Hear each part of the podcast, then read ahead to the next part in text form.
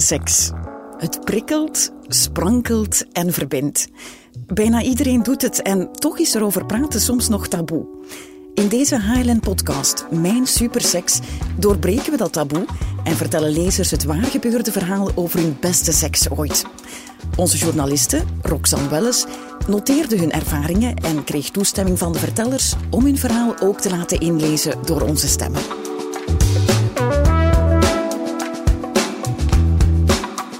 Je hoort het verhaal van Kai, die op backpackreis door Laos vrijt met de ex van zijn beste vriend.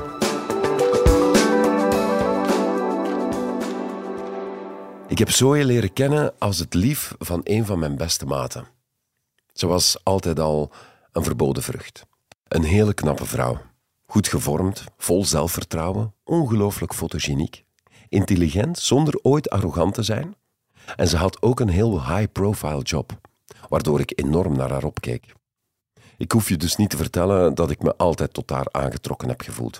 Maar omdat ze met mijn beste vriend was, was ik haar meer gaan beschouwen als een zus dan iemand bij wie ik ooit een kans zou maken.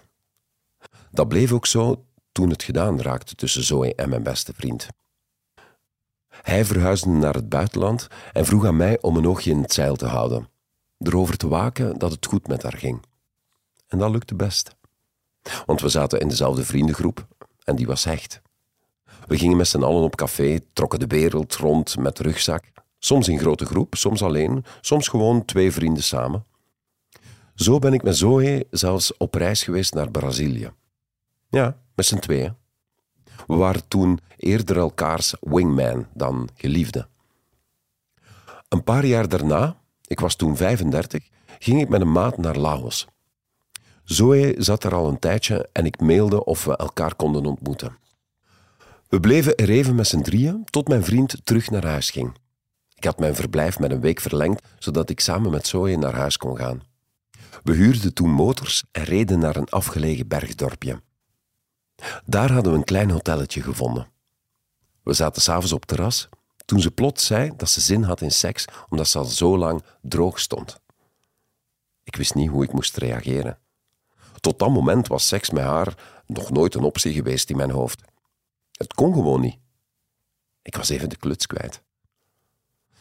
Toen ze naar haar kamer ging, volgde ik haar. We zaten naast elkaar op bed toen ik al mijn moed bijeenraapte en vroeg: Wat zou je ervan vinden als ik bij jou blijf slapen vannacht? Ze antwoordde meteen dat dat heel raar zou zijn. Ik zakte door de grond. Had ik haar dan verkeerd gelezen? Nog een half uur later werd ik ziek. Ik heb de hele nacht boven de wc-pot gehangen, waarschijnlijk iets verkeerd gegeten. S'morgens stommelde ik naar beneden, waar ik haar op het terras aantrof met ontbijt. Hier is hem, ze, lachte ze vrolijk. Ik was opgelucht dat ze niet kwaad was na wat ik haar de avond ervoor had gezegd. Twee dagen later gingen we de motors inleveren en zochten we onszelf een slaapplek voor de nacht. We stopten bij een hotel maar zij stond erop alleen binnen te gaan om een slaapplek te regelen. Er is nog maar één kamer vrij en die is met dubbel bed. Vind je het erg om samen in bed te slapen? vroeg ze toen ze terugkeerde. Ik zei dat het geen probleem was, maar toen we onze rugzakken op de kamer gingen zetten, zag ik twee toeristen aan de balie staan en hoorde ik de receptionist tegen hen zeggen dat er nog veel kamers vrij waren. Het kwartje viel. Ze had gelogen omdat ze samen met mij in één bed wou slapen. Die gedachte zorgde voor een golf van nervositeit in mijn lichaam. S'avonds kwam ze voor mij staan met een slip en een shirt zonder BH. Zou je het raar vinden mocht er iets tussen ons gebeuren? vroeg ze. De, ja, loog ik, omdat ik mijn blunder van twee dagen daarvoor nog niet vergeten was. Mag ik toch bij jou komen liggen? Ze nestelde zich met haar rug tegen mij aan, zodat we lepeltje lepeltje lagen voelde erg comfortabel aan. Soms past het lijf van een ander helemaal niet bij dat van jou en voelt zoiets ongemakkelijk, maar met Zoe voelde het als versmelten. Het was snikheet in de kamer, maar het briesje dat door het open raam kwam bracht iets van verkoeling. Ik herinner me het ronkende geluid van de ventilator, het straatlicht dat door het gordijn naar binnen viel. Ik sloeg mijn arm rond haar. Mijn hand lag tussen haar borsten. Ik kreeg daardoor ook een stijve en zij moet dat ongetwijfeld hebben gevoeld. Grappig genoeg vielen we zo in slaap. Tot ik wakker werd en mijn handen nu echt op haar borsten legde. Haar tepels werden stijf. We trokken allebei onze kleren uit en begonnen elkaars licht bezweten lichamen te zoenen en te strelen. Het was fantastisch. Ergens voelde het alsof ik iets deed wat niet mocht. Dat was super opwindend. Ze begon me na wat gezoen en gefoefel met de handen te pijpen. Ik kreeg het idee dat ze dat altijd al had willen doen, juist omdat ze er zo snel aan begon. Na een paar minuten stond ik op het punt om klaar te komen. Ik duwde haar zacht weg, maar ze bleef mij pijpen en keek me recht in de ogen. Ik kwam klaar in haar mond, met haar ogen uitdagend op mij gericht. Ik was compleet omvergeblazen. Een paar uur eerder had ik nooit durven denken dat ik Zoe ooit naakt zou zien.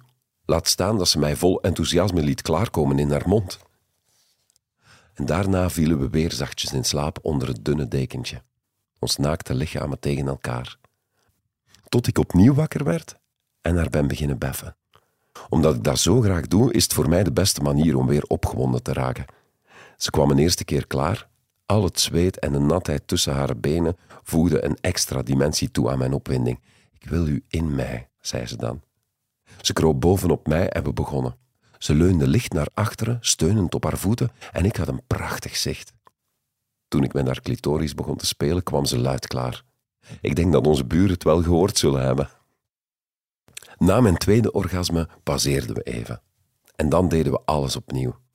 Voor mij iets wat ik tot dan toe nog nooit gedaan had. Het was mijn allerbeste seks ooit. We gingen pas rond vijf uur slapen. De volgende dag vlogen we terug naar België op twee aparte vluchten. Ik was kapot door de inspanning en het gebrek aan slaap, maar de vonken die nacht waren ongelooflijk. Eenmaal terug in België heb ik haar vrijwel meteen opgezocht.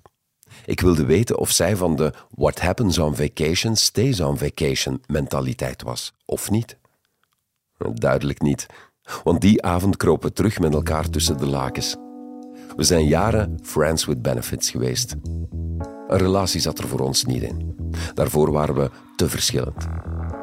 Ondertussen heb ik een vriendin en is ons intiem contact gestopt. Al blijf ik haar wel een heel aantrekkelijke vrouw vinden.